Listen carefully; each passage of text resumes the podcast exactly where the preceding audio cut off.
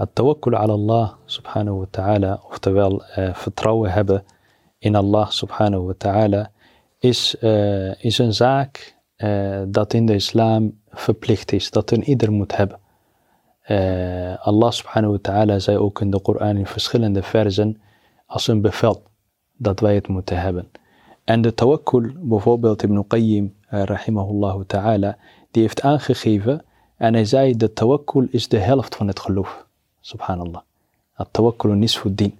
Uh, dus dan, dan zie jij uh, uh, hoe belangrijk de tawakkul is. En dat is iets waar wij heel belangrijk is dat wij als moslim zijnde ehm, moeten hebben. En subhanallah ibn Qayyim zei iets heel moois in, in, in, in ergens anders. En hij, en hij had aangegeven in zijn boek Madarij al-Salikin, had hij aangegeven, hij zei, als aan de dienaar opgelegd wordt dat hij een berg moet gaan verplaatsen.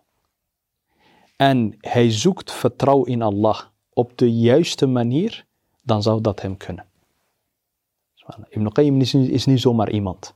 Ibn Qayyim rahimahullah ta'ala, alles wat hij zegt, is gebaseerd op een delil. Subhanallah. Al-Muhim, degene die Ibn Qayyim kent, hoef ik niet heel veel over te zeggen. Kijk, subhanallah, kijk wat het vertrouwen van Allah naar jou toe brengt. Kijk hoe ver het jou dan op een gegeven moment brengt. En dat is hetgene wat wij voor Allah subhanahu wa ta'ala natuurlijk eh, moeten doen. En dan is het, eh, de vraag is dan dan, eh, wat is eh, de tawakkul? Wat is het vertrouwen hebben in Allah subhanahu wa ta'ala?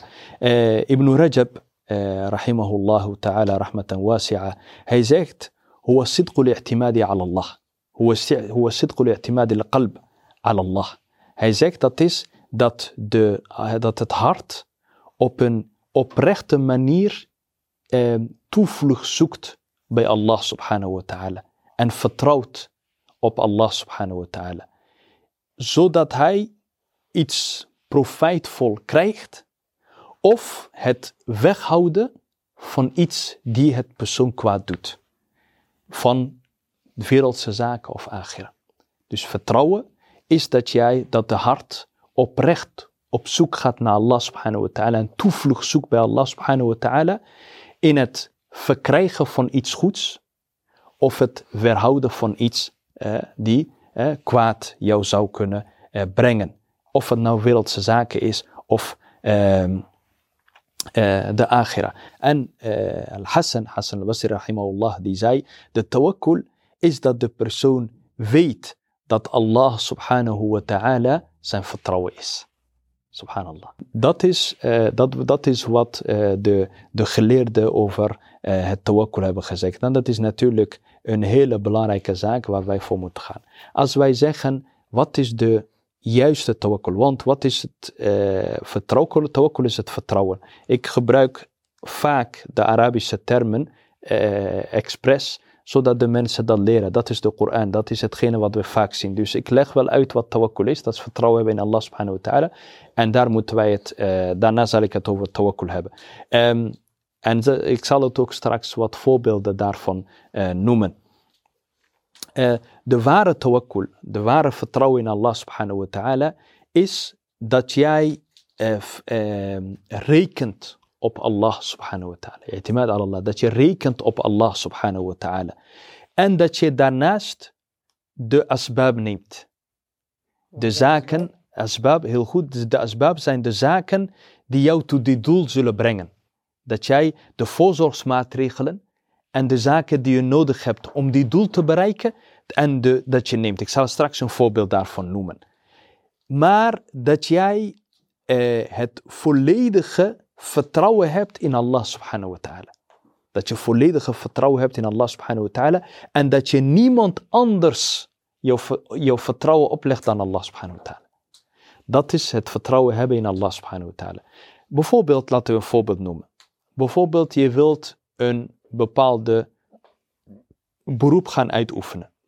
Als je een bepaalde beroep wil gaan uitoefenen, moet je voor gaan studeren. De asbab zijn dus zijn dat je studie gaat volgen. Het is niet zo dat je achterover moet gaan leunen en denken van het komt wel goed. Nee, je moet gewoon gaan studeren. Dat betekent dat jij heel hard moet gaan studeren. Dat betekent dat jij andere zaken opzij moet leggen, zodat je die doet. Dat betekent dat jij prioriteit hiervoor gaat ga geven. Dat jij het in gaat duiken in de boeken. Dat jij bij de hoogcollege en werkcollege aanwezig moet zijn. Enzovoort, enzovoort. Maar dat is niet alleen het enige die jou succes gaat brengen. Dit zijn maar middelen om jou doel te bereiken. Maar uiteindelijk degene die deze middelen, middelen van kan maken, is Allah subhanahu wa ta'ala. Hoe vaak zie je dat jij zo goed hebt geleerd voor een, voor een tentamen en dat je toch een voldoende hebt gehaald. Dat wil niet zeggen dat jij goed, als je heel goed je best hebt gedaan, dat je gelijk ook gaat slagen. Dus de ware gelovige is degene die niet alleen rekent op, op zijn inspanning. Die niet alleen zegt van, oh weet je wat, ik heb het echt geleerd, het gaat echt worden. Nee, het gaat echt worden als Allah wil, subhanahu wa ta'ala. Dus met de wil van Allah subhanahu wa ta'ala. Dus daarom is heel belangrijk dat jij, naast dat je je best hebt gedaan om te studeren, dat je weet van oké, ik heb gedaan als mens zijnde wat ik kon doen, maar Allah is de enige die deze middelen middelen kan maken. En dat je dus vertrouwen hebt in Allah subhanahu wa ta'ala. Deze twee componenten zijn ontzettend belangrijk. Dat jij iets voor doet, alles wat binnen jouw vermogen is, en dat je daarnaast de vertrouwen zoekt bij Allah subhanahu wa ta'ala in het bewerkstelligen van hetgene wat je wilt. En dat je weet dat alleen Allah subhanahu wa ta'ala deze asbab asbab van kan maken. Broeder, eh, yani Abdul Hakim, het vuur. Het vuur die wij kennen. Wij steken het aan. Hè? Wij, in ons gasfornuis, je steekt het, je brengt het, een, een lucifer of wat dan ook, en je steekt het. Wat, wat, wat, heb jij voor vuur nodig? Je hebt gas nodig, je hebt een, lucifer nodig bijvoorbeeld, of een aansteker. Wallahi, als Allah subhanahu wa ta'ala niet heeft gewild dat deze twee uiteindelijk vuur zouden maken, zou je geen vuur maken. Want vuur komt van Allah subhanahu wa ta'ala. Het regen komt van Allah subhanahu wa ta'ala. Het water komt van Allah subhanahu wa ta'ala. Alles komt van Allah subhanahu wa ta'ala. Pas als zij wil dat het iets voor jou gaat betekenen, dan pas ga je krijgen. Mijn moeder, mocht Allah subhanahu wa ta'ala lange leven geven en haar genezen. Um, zij is zeven jaar geleden ziek geworden, ernstig ziek. Um, zo ziek dat de artsen zeiden dat zij een open hartoperatie moeten krijgen. Open hartoperatie is dat het hart gestopt moet worden, dat er door machines overgenomen moet worden en dat zij zo een operatie moet, aan, moet ingaan. En ze was op leeftijd en ze had ook andere kwel, andere ziekten. Op een gegeven moment, ik vroeg aan de arts en ik zei van oké, wat is de overlevingskans? Dat jullie zelf inschatten. Toen zei ze, het zal 50-50 zijn.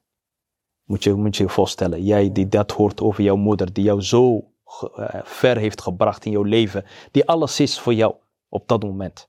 Ik besefte eerlijk gezegd niet wat ze zeiden. Ik besefte pas veel later hetgene wat zij, wat zij bedoelde. Op een gegeven moment, de artsen kwamen nog een keer bij ons toe, naar ons toe. Ze zeiden, als de hart stopt, gaan we niet meer reanimeren, gaan we niet meer op, op laten starten, want de schade is veel, is veel groter dan wat dan ook. Op een gegeven moment, ik ging heel veel dua doen. Andere familieleden gingen heel veel dua doen. En mijn moeder uh, is ook altijd iemand geweest van geloof. Zij is na Allah subhanahu wa ta'ala degene die mij dit heeft meegegeven. Dus zij ging ook zelf dua doen. Zij is altijd die altijd naar, na haar gebeden altijd dua doet en de adkar en de gedenkingen enzovoort. Op een gegeven moment, Achi uh, Abdul Hakim, uh, het ging ineens goed. Ik weet echt niet hoe dat gekomen is. Ik weet wel één ding.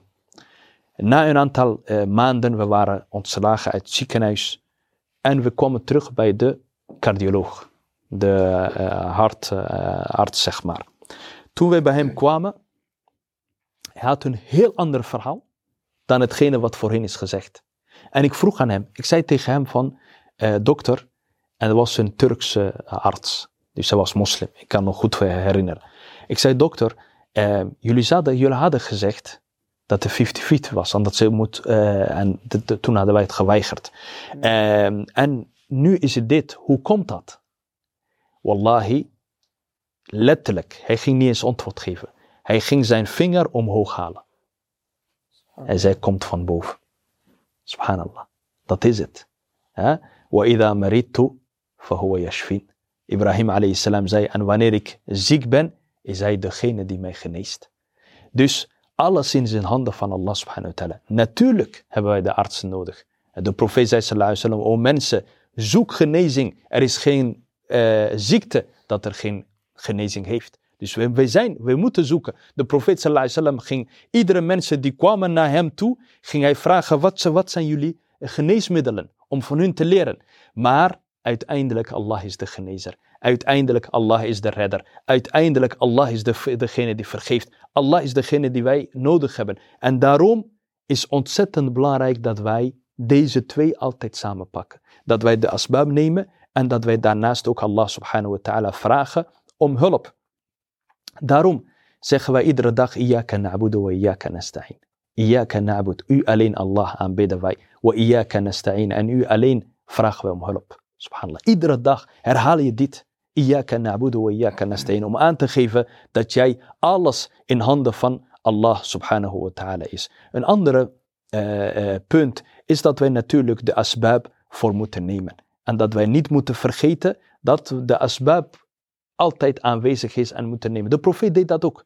Hij nam altijd voorzorgsmaatregelen. Hij deed altijd hetgene wat moet gebeuren. En daarnaast, subhanallah, ging hij um, uh, hulp zoeken bij Allah subhanahu wa ta'ala. Daarom zei de profeet sallallahu alaihi wasallam: "Lo annakum tatawakkaluna ala Allah haqqa tawakkulihi la razaqakum kama yarzuqu at-tayr taghdu khimasan wa taruhu bitana." De profeet zei sallallahu alaihi wasallam in deze uh, overlevering die te vinden is in in in, in Tirmidhi. Uh, zei de profeet sallallahu alaihi wasallam: "Als jullie Allah subhanahu wa ta'ala zouden geloven als jullie Allah subhanahu wa ta'ala vertrouwen op Allah zouden zoeken zoals het hoort, dan zal hij jullie voeden zoals hij de vogel voedt. Daarna zei de profeet sallallahu ze gaat met een lege maag en ze komt met een volle maag terug. Subhanallah. Dat, dat klopt. Tayyib, wallahi, kijk de woorden van de profeet. Hoe meer jouw kennis, hoe meer je die hadith begrijpt. Ik begrijp niet eens 1%. Maar geleerden, die kunnen uitleggen en die hebben uitleg gegeven. Ze zeiden het volgende. Ze zeiden, deze vogel, Wanneer zij vertrekt, weet zij waar ze naartoe moet gaan? Nee. Weet zij wat ze gaat eten? Nee. Sterker nog, kan zijn dat ze niet eens terugkomt. Dat ze in een straat de, een, uh, een auto overheen gaat. Ze gaat. Zij, en daarna zoekt zij, maar ze neemt wel de asbab. Ze neemt wel de middelen. Zij staat wel iedere ochtend op. Ja? Ze, zegt, ze zegt niet, ik blijf, ook al heeft zij subhanallah geen hersenen en zo, ze blijft niet in haar nest. Maar ze gaat eruit. En je ziet moslims, jongeren, subhanallah, die hele dag in bed liggen. En die dan op dat moment willen dat de rizq als, als regen komt. Dat het vanuit de, vanuit de raam gegooid wordt. Cashgeld in een, in een, uh, in een koffer. dat gaat niet. We, moet, we moeten iets voor doen. Je moet vroeg opstaan. En je moet je best voor doen. Dus je gaat met lege macht en daar komt Allah subhanahu wa ta'ala. Ze heeft gedaan wat zij kon doen, subhanallah. Daar komt Allah subhanahu wa ta'ala en zijn vertrouwen die zij in Allah heeft, waardoor Allah haar voorzieningen legt op aarde. Zij komt terug. Terwijl, daarom zei de profeet sallallahu alaihi wasallam, deze vogel heeft vertrouwen in Allah, daarom gaat ze iedere ochtend weg. En daarom zei de profeet sallallahu als jullie diezelfde vertrouwen zouden hebben, zou Allah jullie hebben gevoed zoals zij deze voedt, subhanallah. Dus het geeft aan hoe belangrijk het is dat wij onze best moeten doen hiervoor. Zoals ik het aangegeven heb, het is verplicht dat wij vertrouwen moeten hebben op Allah subhanahu wa ta'ala. Allah zegt, wa ala Allahi fatawakkalu in kuntum mu'minin. Oftewel, hè, en zoek toevlucht bij Allah als jullie gelovig zijn. Als jullie gelovig zijn is een voorwaarde.